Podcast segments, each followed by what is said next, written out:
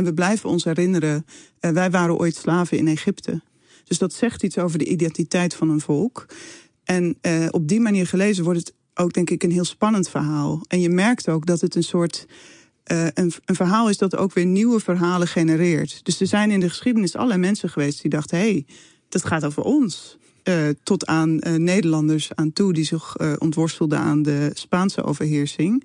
Dus dat vind ik ook het spannende. Hoe, Hmm. hoe kan het nou dat zo'n verhaal dat dat op zoveel dat dat zo resoneert bij mensen? Moeten we voordat we verder praten nog een soort korte samenvatting geven waar Exodus precies over gaat? Ja. Of wat de anekdote ja, is? mag ik? Wat, wat herinner jij je nog, Jurgen?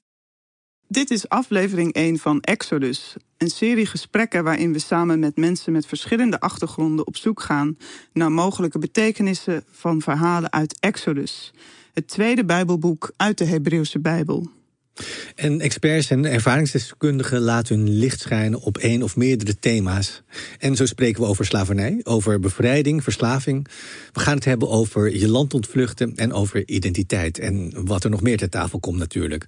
Maar dat gaan we doen niet in deze aflevering, want daar zijn er geen experts. We zijn op onszelf aangewezen, Janneke. Spannend. Wij gaan uh, ja. met elkaar in gesprek. Dan is de openingsvraag die voor de hand ligt natuurlijk. Wie ben je en wat doe je in het leven? Nou, laat ik, uh, laat ik daarmee beginnen inderdaad. Ik ben Janneke Steegman, ik ben uh, bijbelwetenschapper. Ik ben zelfs gepromoveerd op de Hebreeuwse Bijbel. Um, dus in zekere zin ben ik ook een soort ja, expert over die verhalen.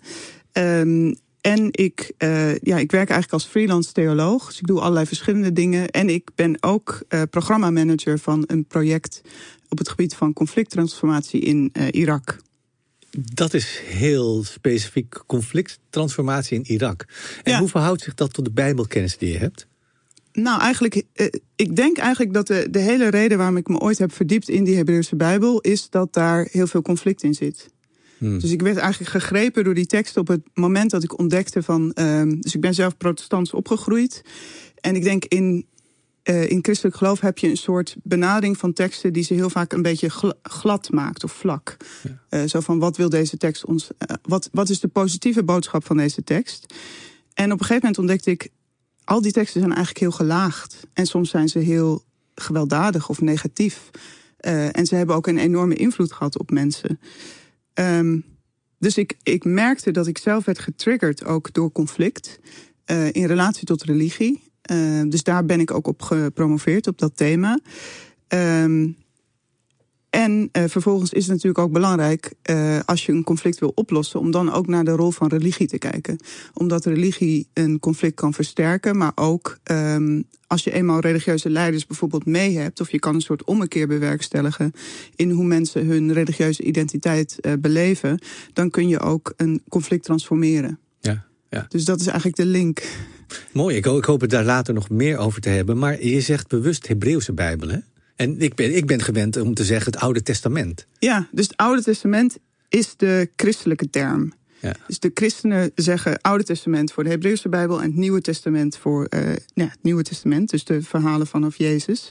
Maar dat ik zeg liever Hebreeuwse Bijbel omdat dat neutraler is en ook inclusiever uh, ten opzichte van Joden, voor wie het Oude Testament natuurlijk de Hebreeuwse Bijbel is. En niet, nou ja, voor hen is er geen Nieuwe Testament. Nee, dat zijn dan de boeken van de Torah, maar die komen ook weer terug in de Koran. Hoe ja. kan je uitleggen hoe dat precies zit? Nou, ik uh, verlang heel erg naar het gesprek met uh, Mehmet daarover, een van onze gasten komende dagen. Um, dus er is inderdaad bepaalde figuren uit die Hebreeuwse Bijbel komen ook weer voor uh, in de Koran. Dus het is eigenlijk ook een soort gedeelde traditie. Maar er zijn ook heel vaak weer verschillen. Mhm. Dus nou ja, bijvoorbeeld Mozes, de centrale figuur in Exodus, komt ook voor in de Koran. Maar het is niet één op één hetzelfde. Nee. En dat is dus juist ook spannend. Dus, dus nou ja, wat zijn eigenlijk de verschillen in de manieren waarop die verhalen verteld worden? Ja, en hetzelfde geldt voor Abraham, Ibrahim in de, in de Koran. Ja. En inderdaad, de, de offer, het offerfeest is inderdaad ja. gekoppeld aan het verhaal van Abraham. Ja. Dus ik wist helemaal niet dat dat een link was. Dus dat eigenlijk de oorsprong van het offerfeest, zowel in de Torah, in de Bijbel, als in de Koran terug te vinden is. Ja, maar in, de, in het ene geval dus in de Hebreeuwse Bijbel draait het om Isaac. Ja. En in de Koran draait het om Ismaël. Dus dat is meteen, nou ja, zit je meteen ook in een soort van, hé, waar komt dat nou vandaan? Ja. Maar Jurgen, ik hoor graag ook van jou, uh, wie ben jij? En wat doe ik in het leven? Ja. Uh, sinds december ben ik uh, de directeur van de Kleine Comedie. Wat een hele mooie plek is. Een mooie plek in Amsterdam. Een gebouw met historie. En een grote betekenis voor de stad. Um, waarbij uh, cabaret de levensader is, zoals ik dat altijd zeg. Um, veel cabaretiers uh, staan daar en laten hun voorstellingen in première gaan. En mijn liefde voor cabaret die is groot, omdat ik het een manier vind om uh, vanuit een heel individueel perspectief naar de wereld te kijken. En dat kan heel klein zijn. Dat kunnen ook over grote maatschappelijke problemen gaan. Maar altijd vanuit een perspectief dat niet gebruikelijk is. Want je wil als cabaretier je publiek een inkijkje geven in jouw hoofd en in een ander verhaal. Um, en meestal als ik naar de voorstellingen ga, dan ga ik ook weer getransformeerd naar huis. Omdat ik dat bepaalde perspectief van die cabaretier heb gezien. En daardoor mijn eigen perspectief bij moet stellen. Of ik ben het ermee eens, ja. of ik verschil enorm van mening. En dat theater, dat cabaret en dat kunst dat voor elkaar kan krijgen, dat vind ik heel erg leuk. Dus die transformatie, dat je echt veranderd wordt door die ervaring. Ja, ja. dat is het oude catharsis wat we, wat we kennen van de Grieken. De, de, de, de, de, de verandering tijdens het kijken, um, die vindt plaats. En, en nou ja, die, die oude traditie, daar, daar hou ik nog, uh, nog heel erg van, ook in deze moderne context. Um, dus daar, uh, daar besteed ik Prachtig. mijn dagen aan. Ja. En um, wat ik ook belangrijk vind, is het leiden van gesprekken. Dus ik ben ook moderator. En, um, en wat, waarom zeg je, ik vind dat belangrijk? Omdat ik belangrijk, uh, op verschillende manieren vind ik het belangrijk om aanwezig te zijn bij het gesprek over de maatschappij of over de stad. En het verbreedt mijn horizon ook. Dus in het theater, in het huis, de kleine komedie, dan dan denk je snel dat de wereld bestaat uit waar je dagelijks mee bezig bent. Ja. En doordat ik eventjes uit die realiteit getrokken word en met andere mensen in gesprek ga die ik gewoonlijk niet zou ontmoeten op mijn werk, dan wordt ook dat eigen perspectief verbreed. En uh, zo zit ik met jou hier, wat ik, uh, wat ik heel erg prettig vind. Uh, en zo heb je meer ontmoetingen die ook mijn wereldbeeld aanpassen en, en vervormen.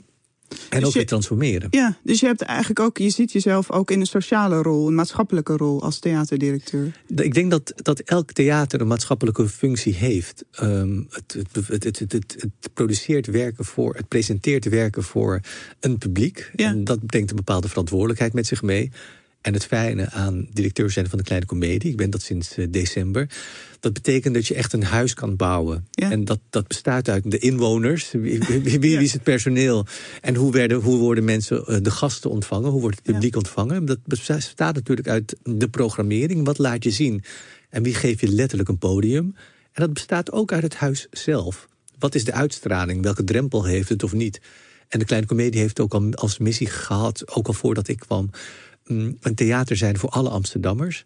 En, en ja, mijn taak is wel om te kijken of dat het theater wel is voor alle Amsterdammers. En is dat zo nu? Nou, ik denk dat uh, voor alle, uh, wat is het, bijna 800.000 mensen die hier wonen, we gaan op naar de miljoen. Die hebben nog niet allemaal in huis gehad, maar ik wil hem wel zo laagdrempelig mogelijk houden. En natuurlijk, het is een specifieke smaak die je hebt om van cabaret te houden. Maar ook binnen genre wil ik zorgen dat ik zo breed mogelijk ben. En, en het gesprek dat in de stad plaatsvindt, ook op het podium plaats laten vinden. Mooi, ja. Ik las ergens dat jij uh, theater ook wel eens hebt vergeleken met een klooster. nou ja, dat is, tijdens mijn opleiding werd er gezegd... Als je, als je in het theater of in de kunst wil werken... moet je uh, de discipline hebben van, het, van een soldaat... en de toewijding van een monnik. En dat vond ik toen ik dat hoorde, was ik een jaar of 18. Nou, ik vond het vrij serieus en streng gesteld. Ja. Nu ben ik een aantal jaar verder en heb ik me gerealiseerd dat dat wel op dit moment in ieder geval de waarheid is. De, die, die toewijding heb je echt nodig om te zorgen dat je nou ja, het beste kan presenteren uh, wat er te zien is. En ook zorgt dat het huis, vooral na deze coronaperiode, het huis overeind staat. En het zijn um, ingewikkelde jaren geweest, waarbij, um, waarbij je niet kon terugvallen op routine. En dan heb je die toewijding echt nodig. Ja. En, en, en, en dan heb je ook de discipline nodig om te zorgen dat je overeind blijft in een ontzettend onzekere tijd. Ja. Ja, en, en ik dacht ook uh, dat wat jij vertelde, dus je gaat het theater in en je komt eigenlijk als iemand anders naar buiten, er gebeurt iets. Dat is natuurlijk bij een verhaal als Exodus, uh, is dat ook zo? Dat, dat kan zo zijn. Kijk, dat vind ik, en daar ben ik benieuwd naar hoe jij de, de Bijbel en, en Exodus specifiek interpreteert. Um, toen ik klein was um, en de verhalen uit de Bijbel hoorde, dacht ik dat het een soort um, historische verslagen waren. Ja. Later is me verteld over de epische verdichting die plaats heeft gevonden, over de symboliek die, die, die de verhalen in de Bijbel hebben en de archetypen uit de Bijbel ook uh, die functie die zij bekleden. En dat het gaat over interpretatie.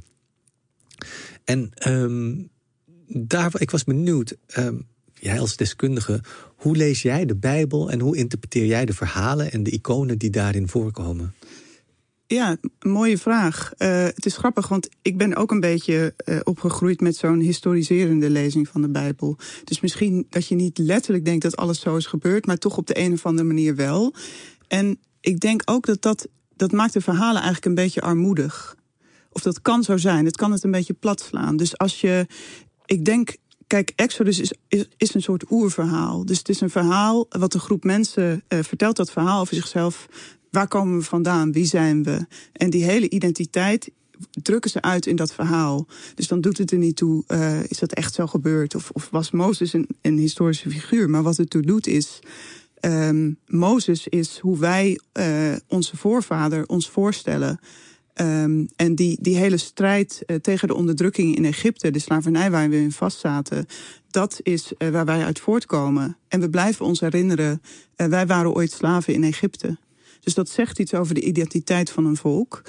En op die manier gelezen wordt het ook, denk ik, een heel spannend verhaal. En je merkt ook dat het een soort een, een, verhaal is dat ook weer nieuwe verhalen genereert. Dus er zijn in de geschiedenis allerlei mensen geweest die dachten: hé, hey, dat gaat over ons. Uh, tot aan uh, Nederlanders aan toe die zich ontworstelden aan de Spaanse overheersing.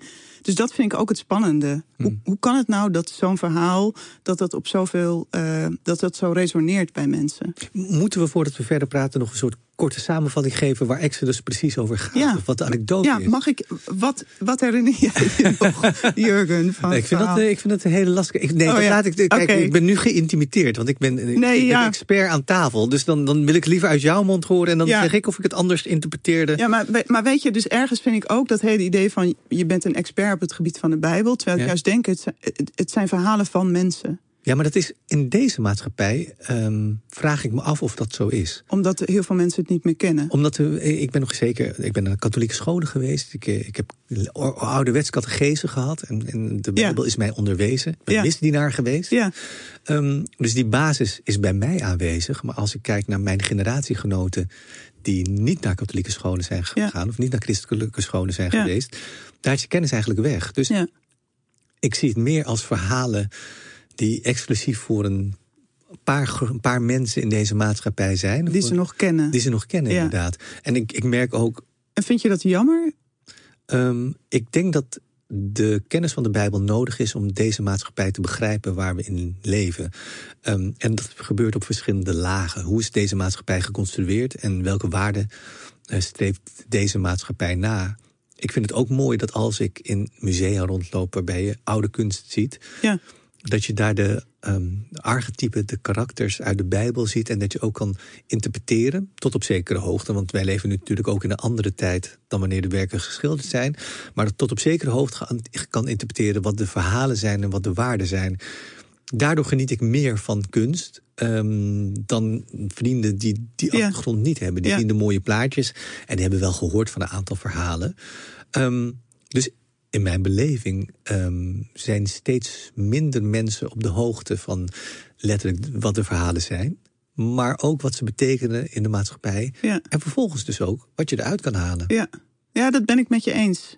Um, dus ik denk ook, die hele christelijke traditie is vormend geweest voor Nederlandse identiteit, over ja. identiteit gesproken. En die, die link missen we vaak. En daardoor zijn er ook bepaalde dingen over onszelf die we niet zo goed begrijpen, ja. denk ik soms. Maar goed, uh, terug naar Mozes. Dus ik denk, iedereen kent het verhaal van Mozes in het biezenmandje. Ja. Dus de situatie is dat uh, het volk Israël, of de Hebreeën, uh, die, die woonden in Egypte. Ze waren daar ooit uh, terug, terechtgekomen via Jozef, die door zijn broers verkocht werd aan een karavaan naar Egypte. En, maar dat was alweer een hele tijd geleden. En uh, op dat moment werden ze steeds groter. Dus er staat ook, ze kregen heel veel kinderen. En ze werden steeds meer als een bedreiging gezien door de Egyptenaren en door de farao. Omdat ze zo uh, groot werden. Dus die farao dacht, uh, ik, moet die, ik moet ervoor zorgen dat ze wat minder kinderen krijgen. Dus ze moesten stenen bakken. En ze moesten steeds grotere hoeveelheden stenen produceren. En op een gegeven moment dachten, ja, het loopt nog steeds uit de hand. Dus toen moesten alle uh, eerstgeboren jongetjes worden gedood. Of alle jongetjes uh, moesten worden gedood. Ja, en dan um, is er de moeder van Mozes, die krijgt een babytje. En ehm, het is een jongetje. En dan denkt zijn zus Mirjam, ja, ik moet hem verbergen. Dus die legt hem dan in een, een rieten mandje en stuurt hem het water op. En zie um, de dochter van de farao die zich net aan het baden. En die, uh, die ziet dat mandje voorbij uh, komen. En die, nou ja, die neemt dat kindje op. Zodat Mozes dus uh, aan het hof opgroeit. Dus daar zit meteen enorme spanning. Ja. Dus hij is eigenlijk een Hebreeër. Hij is één van het onderdrukte volk. Maar hij groeit op in het centrum van de macht. Ja, dat, dat alleen als een heel spannend gegeven. En dan vervolgens komt God in het verhaal. Uh, oh nee, nee, trouwens, eerst uh, is er nog een hele belangrijke episode. Dat um, Mozes ziet uh, dat iemand van zijn volk ruzie krijgt met een Egyptenaar. En dan wordt hij zo boos dat hij die Egyptenaar doodslaat. Ja. En dan blijkt dat iemand dat heeft gezien. en dat is natuurlijk ook een identiteitsconflict. Dus hoort hij nou bij de Egyptenaren ja. of hoort hij nou bij het volk? Nou, en vervolgens um, openbaart God zich aan hem. Um, en, dan, en, en die geeft hem een opdracht. Mozes, jij moet mijn volk vrijmaken. En Mozes ziet het helemaal niet zitten. Die denkt, ik ben daar helemaal niet geschikt voor. Je moet iemand anders hebben. Uh, hij stottert. Uh, hij vindt zichzelf onhandig.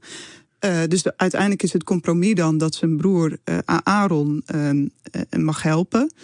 Um, nou, en dan begint er een heel verhaal met onder andere de tien plagen. Dus dat ja, de farao die wil hen helemaal niet laten gaan. Dus er gaat een, een heleboel ellende wordt er uitgestort over de Egyptenaren. En dan uiteindelijk uh, in het midden van de nacht uh, vertrekken ze. En dan heb je die scène die je ook in heel veel films ziet zitten. Dat ze uh, voor een grote zee staan en dat die zee zich opent. De Rode Zee opent zich. Precies, en ja. De Joden door. Ja, en, en dan komen de Egyptenaren nog achter hen aan en die verdrinken allemaal. Ja.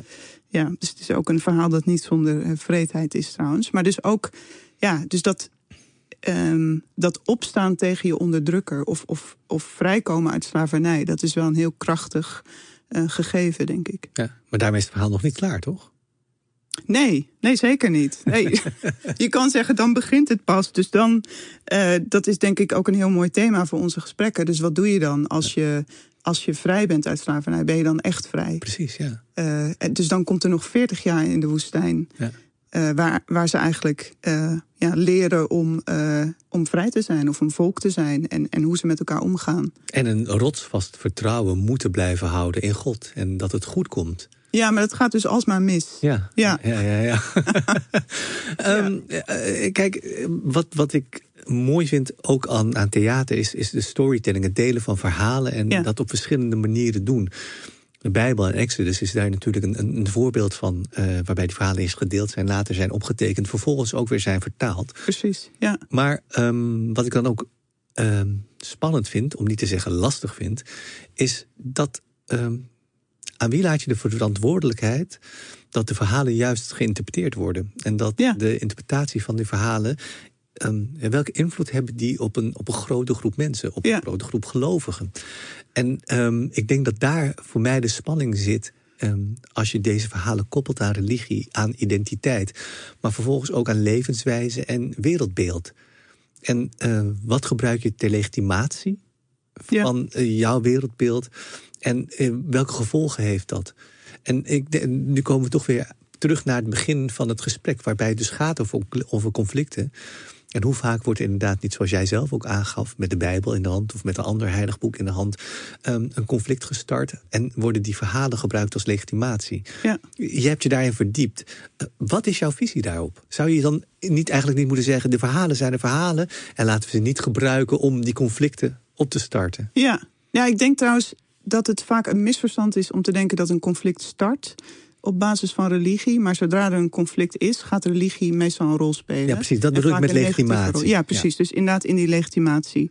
Dus, dus ook slavernij is gelegitimeerd met ja. de Bijbel in de hand. Uh, Nederlands kolonialisme was heel sterk gevoed, ook door Bijbelse verhalen.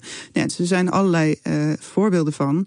En dat is trouwens ook een van de redenen... Ja, misschien mijn missie als bijbelwetenschapper... om ons daarvan bewust te maken. Dus dat die uh, dat die verhalen ook een problematische rol kunnen spelen. Dus ik denk dat, ja, de, de, dat verhalen zo krachtig zijn, betekent natuurlijk ook dat er een gevaar in zit. Ja. En zeker als, als we dan ook nog denken dat het een soort uh, door God gegeven uh, verhalen zijn. Als we denken, oh, maar uh, dit verhaal gaat eigenlijk over ons. En het betekent dat God aan onze kant staat. Dan wordt het heel gevaarlijk. Um, dus ik ben ook heel erg geïnteresseerd in dat dubbele gezicht van, van godsdienst. Hoe sta jij erin? Waar komen die verhalen vandaan als bijbelwetenschapper? Zijn ze, komen ze van God? Uiteindelijk nee. Of weet je, dan moeten we een heel lang gesprek gaan voeren over wat is wat eigenlijk is God. Ja, ja. Uh, dus wat ik zo mooi vind aan die verhalen, het is een soort, ja, dit is hoe het leven is. Ja. En het leven is niet alleen maar mooi en glad. Um, uh, dus die, die Bijbelverhalen. Dus ik vind ook dat je heel, daar heel eerlijk in moet zijn. En moet zeggen, die Bijbelverhalen zijn niet een soort voorbeeldverhalen, maar meer gewoon een verhalen hoe het is. Maar dat is een, radicaal standpunt dat uh, tegen alle opvattingen van de afgelopen eeuwen ingaat. Uh, er zijn mensen die, die, die, die je voor gek zouden verklaren als je dat inderdaad tegen hen zou zeggen. Uh, ja. Hoe verhoud je je daar dan toe? Want mensen die echt geloven, hoe verhoud je tot mensen die geloven: dit zijn de verhalen van God, dit is ingefluisterd door een hogere macht. Nou, en ze ja. zijn aan ons gegeven. Nou ja, ik denk dat we allemaal als mens iets moeten met de lastige kanten van het leven. En, en soms wordt, denk ik, religie gebruikt als een manier om, om te zeggen: nou ja, we weten precies hoe het zit. Um, maar niemand weet precies hoe het zit. Hm. En, en uh, hoe beter je ook die verhalen leest, hoe meer je ontdekt dat er allerlei oneffenheden in zitten en dat het schuurt en dat het gek is. En volgens mij de echt waardevolle gesprekken gaan niet over ik weet precies hoe het zit, want ja, uh, wat, do, wat heb je daaraan als het leven echt moeilijk wordt? Mhm. Um, dus ik denk dat uh, zodra je afdaalt naar dat wezenlijke niveau van wat maak je mee in je leven en waar heb je dan steun aan, en misschien ook waar ontleen je een soort valse steun aan? Of, of wat legitimeert dingen die eigenlijk niet zouden kunnen? Ja, dat is veel oprechter. Dus ik ben ergens ook niet zo geïnteresseerd in... ja, de Bijbel is van kaf tot kaf waar... of de Bijbel is van God gegeven. Ja, wat bedoel je daar dan mee? Hmm. Nou ja, ik, wat ik me heel goed voor kan stellen... juist als de dingen niet goed gaan in je leven... juist als je die zekerheden mist... Ja. dat je kracht kan ontlenen uit, uit de gedachte dat er een hogere macht is... Dat je, dat je kan lezen hoe, hoe een volk onderdrukt is in, in Exodus en vervolgens naar een betere toekomst is geleid. Want dat, dat, daar kan je hoop uit putten. Ja. Vooral als je aanneemt dat dat verhaal waar is. En dat er echt een hogere macht in kan grijpen in je leven om te zorgen dat het beter wordt. Ja. En dat, dat, dat, zou natuurlijk ook een hele, dat is natuurlijk ook een hele geruststellende gedachte. Ja, maar goed, tegelijkertijd zie je overal om je heen dat het leven niet zo werkt. Dat je, dat je per se een goede afloop hebt. Dus ik denk, ja, hoop. Ik vind hoop iets, iets heel belangrijks. Uh, maar ik denk, jij hebt ook hoop. Dus je hoeft niet, je hoeft niet uh, gelovig te zijn daarvoor. Of je hoeft niet die verhalen voor waar aan te nemen. Maar ik denk wel, ik denk wel dat verhalen vertellen een bron van hoop is. Dus, dus dat het theater is zo belangrijk. Nou wat je zelf ook zei, daar, daar vertel je elkaar verhalen. Ja, maar om de zwaarte van het leven aan te kunnen, heb je, heb je middelen uh, en handvatten nodig. Ja. En zo'n zo'n boek, die, biedt, die, die zou die middelen en die handvatten kunnen bieden. Ja. Um, maar waar is dan de grens? Um, hoe zorg je dat dat boek relevant blijft, zonder dat je je te afhankelijk maakt van anderen die het voor jou dicteren? Ja. Hoe, hoe doe je dat? Ja. Ja, dus, dus daarom zei ik aan het begin ook... ik hou er niet zo van om mezelf als expert op te voeren... op het gebied van bijbelverhalen. Omdat Ah, ja. ik denk, um, weet je, dat idee van de priester of de dominee... die weet hoe het zit. Nee, uh, waar, ik in, waar ik in geïnteresseerd ben... is de transformatie die plaatsvindt... zodra je je echt verbindt met een verhaal. En, en ook je ermee verbindt in de zin van dat je denkt... ja, maar dit doet me pijn, of dit roept pijn op... of dit, dit staat me tegen... En dan komt er iets op gang. Maar dat is dus pas als je denkt: dit verhaal is ook van mij. Ik mag het me ook toe-eigenen. Eigenlijk heb je het over de democratisering van de Bijbel. Ja. Of de democratisering Ja. van Exodus. Dat is ook een stukje van mij. Ik Ja. heb daar zeggenschap over, een, een agency over. En dat zou wel een mooie gedachte zijn, inderdaad. Ja, wat in het theater denk ik vanzelfsprekend is. Of, Nee, nou of toch niet? Nee, ik denk, Ja. ik denk dat het bij mensen niet vanzelfsprekend is om op die manier verantwoordelijkheid te nemen. Ik denk dat, de mensen het nodig hebben om iconen te hebben. Uh, om, om, om, om, om, om anderen te volgen of anderen te volgen die denken hoe het leven in elkaar zit. Ik vind het verhaal van die Gouden Kalf wel, wel mooi daarin. Waarbij het een hele menselijke gedachte is om iets te creëren waar je al je energie op af kan sturen. Uh, dat, dat je kan aanbidden. En dat het een, een belichaming wordt van een, een baken wordt misschien. Een baken van, van waar je in het leven naartoe moet. En um, daarom denk ik dat het een hele natuurlijke, uh, een natuurlijk mechanisme is om mensen te volgen die zich voordoen als iemand die het wel weet. Het is ook makkelijk namelijk, want dat ontslaat het jou van een bepaalde verantwoordelijkheid. Doe jij dat? Ik, ik denk dat ik het. Um, ik denk dat ik het ook in mijn leven nodig heb. Alleen ik ben wel zelf veel te koppig om te vertrouwen, om blind te vertrouwen op, op, op, op wat anderen zeggen. Ik, ik, denk dat mijn behoefte om de zaken te bevragen groter is dan mijn behoefte om te volgen. Maar ook ik vind het soms makkelijk om niet alle scenario's zelf uit te hoeven denken. Dat is ook heel vermoeiend. Misschien. Dat is ook heel vermoeiend. En tegelijkertijd wil ik alle scenario's uitdenken. En wil ik de regels testen en oprekken. En kijken waar de, waar de grenzen zitten. Dus um, um, nou ja, wat dat betreft denk ik... Uh, ik was ooit bij een, bij een lezing van Toni Morrison, uh, de no Nobelprijswinnares. En zij werd hier in Nederland geïntroduceerd. En nou, alles wat zij gedaan heeft, dat werd voorgelezen. Dus ja. Nobelprijswinnaar, uh, bestseller, auteur. En nou, de hele, haar hele palmares werd, werd opgetild. En toen kwam ze op en de presentator die vroeg ook van ja, nou, wat vind je van deze presentatie? Je hebt natuurlijk veel bereikt. En wat zij toen zei, dat heeft mijn ogen wel geopend. Zij zei, nou, het lijkt me een ontzettend interessante vrouw die je net hebt beschreven. ik zou haar graag willen ontmoeten. Oh, fantastisch. En daarmee koppel je dus de, de status die zij heeft en hoe andere mensen haar zien, koppel je los van de mensen die zij daadwerkelijk was of op dat moment uh, is. En, en nou ja, dat heeft mijn ogen geopend. Ja, wij willen mensen groter maken dan wat ze zijn, ze op een voetstuk zetten. En dat willen we soms ook met onszelf doen, want dan hebben we een icoon dat we kunnen vertrouwen. En dan vind ik dus die figuur van Mozes heel interessant. Omdat die dus, weet je, die is een soort leider tegen wil en dank. Ja. Ziet het helemaal niet zitten, gelooft niet in zichzelf als leider. Ja. Um, maar flikt het hem uiteindelijk toch. En dat, dat is wel grappig hoe dat ook weer in de populaire cultuur terugkomt. Als je kijkt naar The Matrix bijvoorbeeld, waarbij Neo, hmm, de hoofdpersoon, gespeeld door Keanu Reeves, um, ook helemaal niet de verlosser wil zijn. Er zijn natuurlijk parallellen met Mozes, maar ook met Jezus. En, en daarin ja. uh, de, de, de, de, de anti-held, in, in sommige gevallen de underdog, dat wekt, dat wekt natuurlijk ook altijd sympathie. En, en een leider tegen wil en dank is natuurlijk veel aantrekkelijker dan een potentaat die besluit het volk te leiden in de richting die hij zelf bedacht heeft. Ja. We lopen tegen het einde van dit gesprek aan. En ik ben wel heel benieuwd. Um, we gaan met een aantal mensen in gesprek. Uh, wat hoop jij uit die gesprekken te halen? Nou ja, wat, wat ik al zei, dus ik, ik uh, uh, leef zelf op een bepaalde manier met die Bijbelverhalen. En ik heb gemerkt, het is, dus ik heb bijvoorbeeld een tijd met, in Palestina gewoond en daar met Palestijnse vrouwen die Bijbel gelezen. Dat was echt een transformerende ervaring voor mij. Dus ik vind het gewoon, ja, die, die verhalen zijn echt bedoeld om door anderen ook gelezen te worden. Hmm. Dus ik ben, ik verheug me op de creativiteit en de invalshoeken en de dingen die ik nooit had bedacht, uh, die we van onze gasten te horen krijgen. Hmm. Ja. ja. En jij? Ik ben benieuwd naar de actualiteit van de verhalen.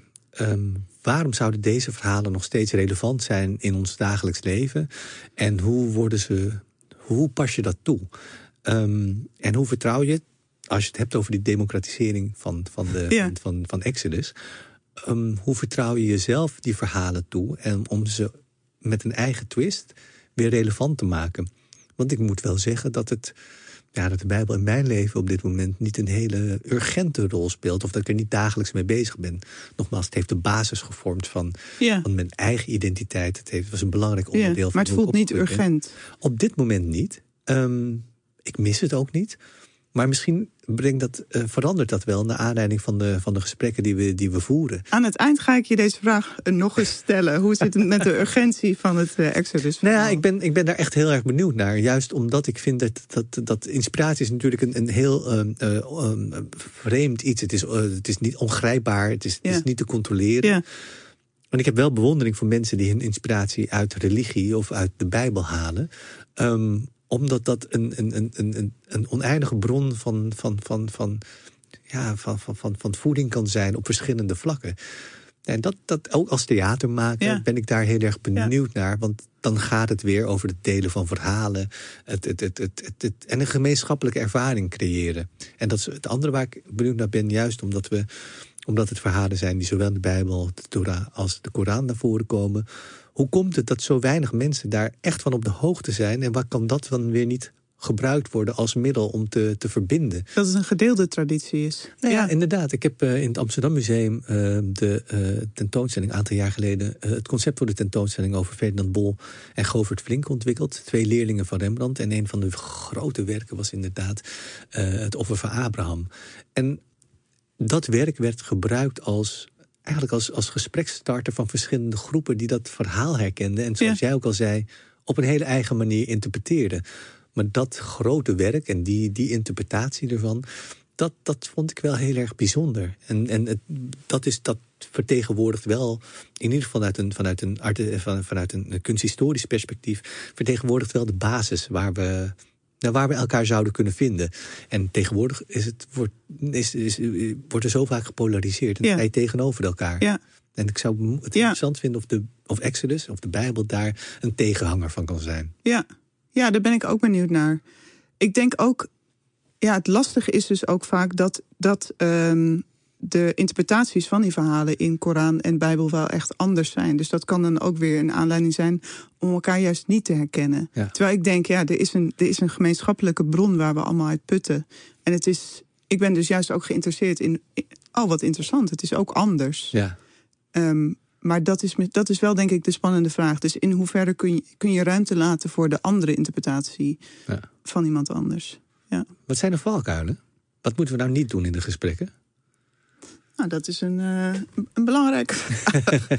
nou ja, misschien niet, um, niet te veel bekend uh, veronderstellen. Dus ik denk inderdaad dat jij gelijk hebt dat uh, dat Exodus misschien wel in de verte een belletje doet rinkelen. Misschien Mozes, het biesemandje. Maar dat het ook dat heel veel ook niet bekend is. Dus dat, ja, daar ligt denk ik ook de uitdaging. Die jij net eigenlijk ook verwoordde. Ja. Dus is dit nog relevant? Kunnen wij dit relevant maken? Ja. Ja. Ja, niet, niet veel voor, onder, voor onderstellingen hebben. Dat, dat is inderdaad een, een, een erg belangrijke. Um, ergens hoop ik ook dat het gesprek helemaal ontspoort en misgaat als ik eerlijk Ruzie krijgen. Nou ja, in uh... ieder geval, um, het, waar, wat voor mij een valkuil zou zijn, is dat, dat we elkaar allemaal begrijpen. Ja. En dat, mm. we, dat, we, dat we dat daardoor um, zonder wrijving geen glans natuurlijk. Dus, dus als we helemaal geen wrijving hebben, dan dan vraag ik me ook weer af, wat is dan de urgentie van deze gesprekken als we het toch al met elkaar eens zijn? Dus ik hoop dat er ergens die wrijving op wordt gezocht en dat daar ook ruimte voor is. En dat nou ja, deze omgeving ook veilig genoeg is om dat, dat te laten ontstaan.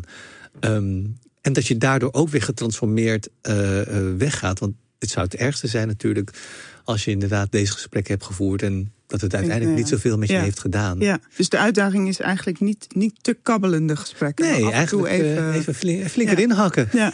En waar zit dan waar zit de spanning? Bijvoorbeeld in, uh, tussen jou en mij. Waar, waar zouden wij het oneens over kunnen zijn? Of waar zou tussen ons die wrijving kunnen zitten, denk je? Um, dat vind ik even gebaseerd op dit gesprek in nog moeilijk te bepalen. Maar ik denk wel, nou ja, je, hebt de Bijbel bestudeerd, je hebt daar een mening over.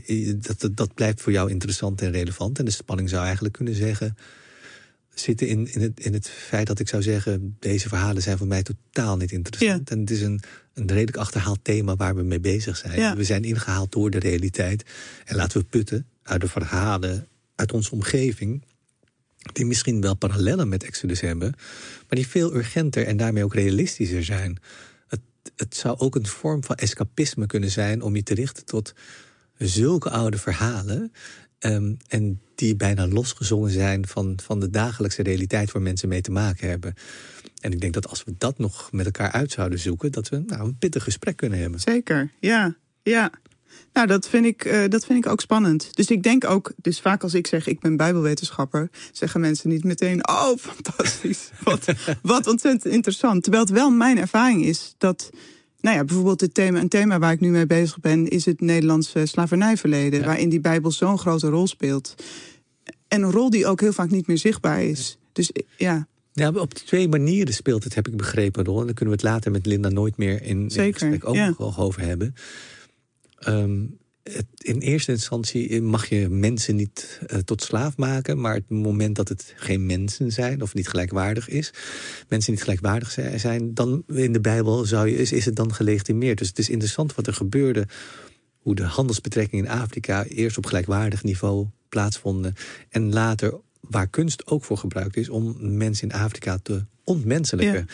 En vervolgens, toen die slavernij eenmaal op stoom was gekomen en de afschaffing van de slavernij um, plaats zou vinden, toen heb ik begrepen dat met de Bijbel in de hand eigenlijk werd gezegd: ja, maar religie, je moet je die religie eigen maken, je eigen religie afzweren.